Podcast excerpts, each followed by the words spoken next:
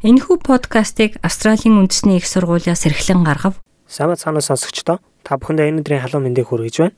SBS радиоос хүргэдэг нэвтрүүлгийн маань энэ удаагийн дугаар та бүхэндээ хүрэхэд бэлэн болсон байна. Энэ удаагийнхаа сэдвээр 21-р зуунд эмээ өвөө байх тухай ярихаар бэлдлээ. Гэр бүлийн амьдралын хэв маяг, хэмнэл, хурдцтай өөрчлөгдөхийн хэрээр өвөө эмээ нар ч мөн шин арга барилд дасах хэрэгтэй болтгоо. Тэгвэл 21-р зуунд эмээ өвөө байх нь ямар байдаг вэ?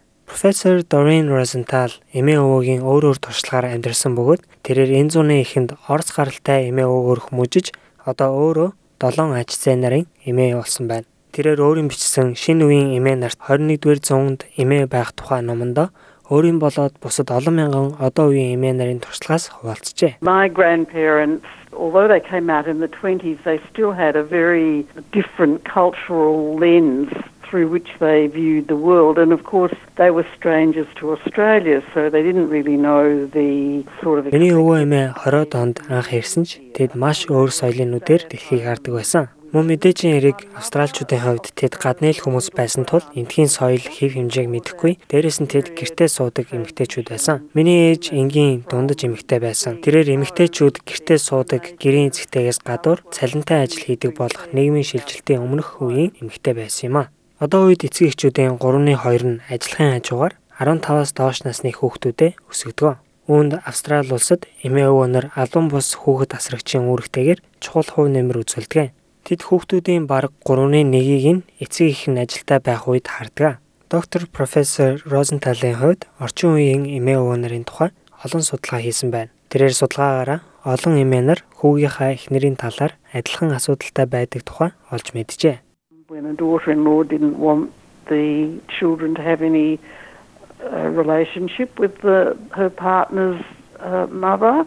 Sometimes Хүүгийн эхнэр хүүхдүүдээ адам ээжтэйгээ ойрын харилцаатай байлгахыг хүсэхгүй тохиолдлууд их байдаг. Заримдаа хүүхдүүдээ өөр улсад эсвэл өөр мужид өсгөн ойрын харилцаа тогтоох боломжгүй болох үед зарим эмээ өвөнөр хүүхдтэйгээ харилцаа холбоотой байхын тулд технологиг маш сайн сурч эзэмшдэг. Энэ тэдний хувьд тийм амархан ажил биш. Бидэнтэй ярилцсан эмэгтэйчүүдийн ихэнх нь заримдаа өөрөөсөө ч илүү ач зээ нарынхаа хэрэгцээг хангах ёстой мэт санагддаг гэж байсан. Гэр бүлийн хөдөлгөөн өөрчлөлт хувьслыг анзааран эмээ өвөө нар эцэг их болон эмээ өвөө байх өөр шин арга барилуудад дасан зохицохын тулд өөрийн дуу хоолойгоо дарж байна. The worst thing is for you to turn around to your son and or daughter and say, look, you're doing it the wrong way. I mean, however nicely you say it, you're doing it the wrong way. This is a better way. Um, this is the way I used to do it. So you just have to Хамгийн онцгүй зүйл бол хүү эсвэл охиндоо чи үүнийг буруу хийгээд байна гэж хэлэх.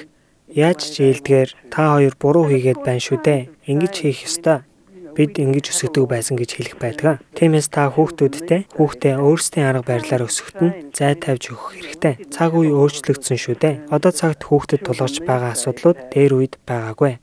Гэр бүлийн орчинд захиргаа хяналт багтай болсон энэ үед эмээ өвөөнөр өөрийн үзлээ тулгахгүйгээр зай тавихан дээр гэдгийг гурван аж цай нарын өвөө Bill Asher ойлгосон байна. The grandparents now is, is a backstop. They've got to be supportive. They, they can't interfere as much as they'd like to because it's the role of the parent to bring up the child. Uh, I know in a lot of Asian societies for instance the grandparents бол одоо цагт төшиг тулгуур болж туслахаас биш өөрсдийн арга барил хүслээр зүтгэх хэрэггүй.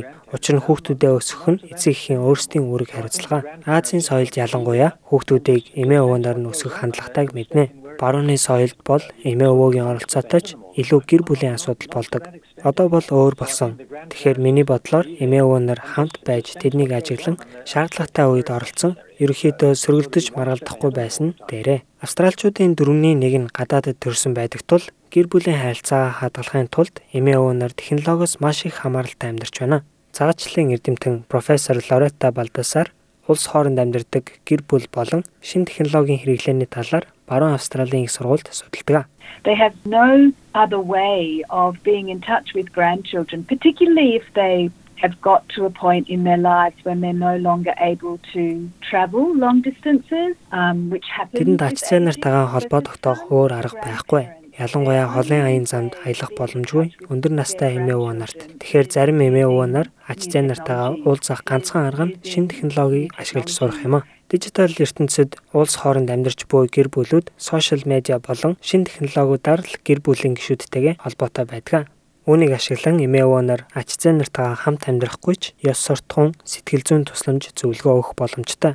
The video call facility is really a fantastic development because little children are not very good at talking on the phone, particularly if they don't want to talk on the phone. So what you can do with something like Skype or Facebook. Видео дуудлага бол маш дэвшилттэй технологи юм а.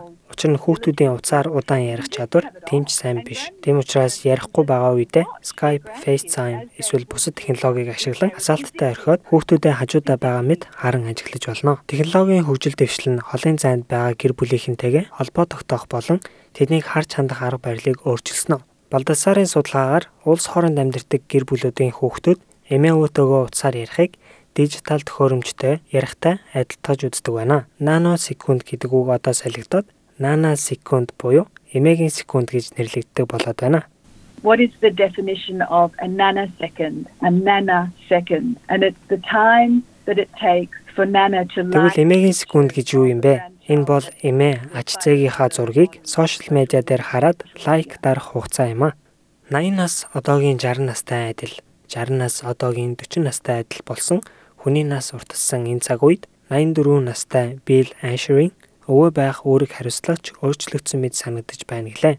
You should be a mentor as well as a playmate as, as, much as you can because grandparents these days are a lot more active and хамгийн сайн зөвлөгч байхаас гадна боломжоор хамт тоглодог хүн байхыг хичээх хэрэгтэй. Учир нь одоо цагт эмээ өвөнөр илүү хөдөлгөөнтэй хүүхдүүдийн тоглоом арга хэмжээнд илүү их оролцдог болсон.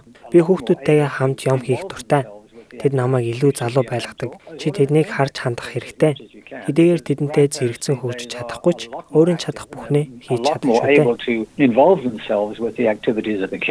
I like involving myself with youngsters because they do keep you young. You know, you've got to look at them and say, well, you can't keep up with them, but you can do your best. Гадаад улсад амьдран суудаг монголчууд бидний хувьд ч гэсэн эмээ нарын харамгүй тус хамгийн чухал үнцэнтэй. Энэхүү дугаар маань та бүхэнд таалагдсан гэж найдаж байна. Дараагийнхаа дугаараар удахгүй уулзцаая. Монгол өв уламжлал Монгол гэсэн өрмөц онцлогоо бид хэрхэн хадгалах вэ? Австралийн тэргуулах зэргийн их сургууль болох Австралийн үндэсний их сургууль нь монгол хэлний онлайн курсыг танд санал болгож байна. Монгол хэлийг сурснаар танд өөрийн сурлага, ажил мэргэжилдээ цааш дахин дэвших боломж гарах болно. Монгол хэлийг бүх шатнд сурч болохоос гадна та хаанч амьдардаг байсан зайнаа сурах боломжтой юм. 2020 оны эхний улирлын эсэлд 12 сард эхлэх болно. Дэлгэрэнгүй мэдээллийг Asia Pacific цэг ANU цэг EDU цэг AU зураас Languages холбоосоор орж авна уу?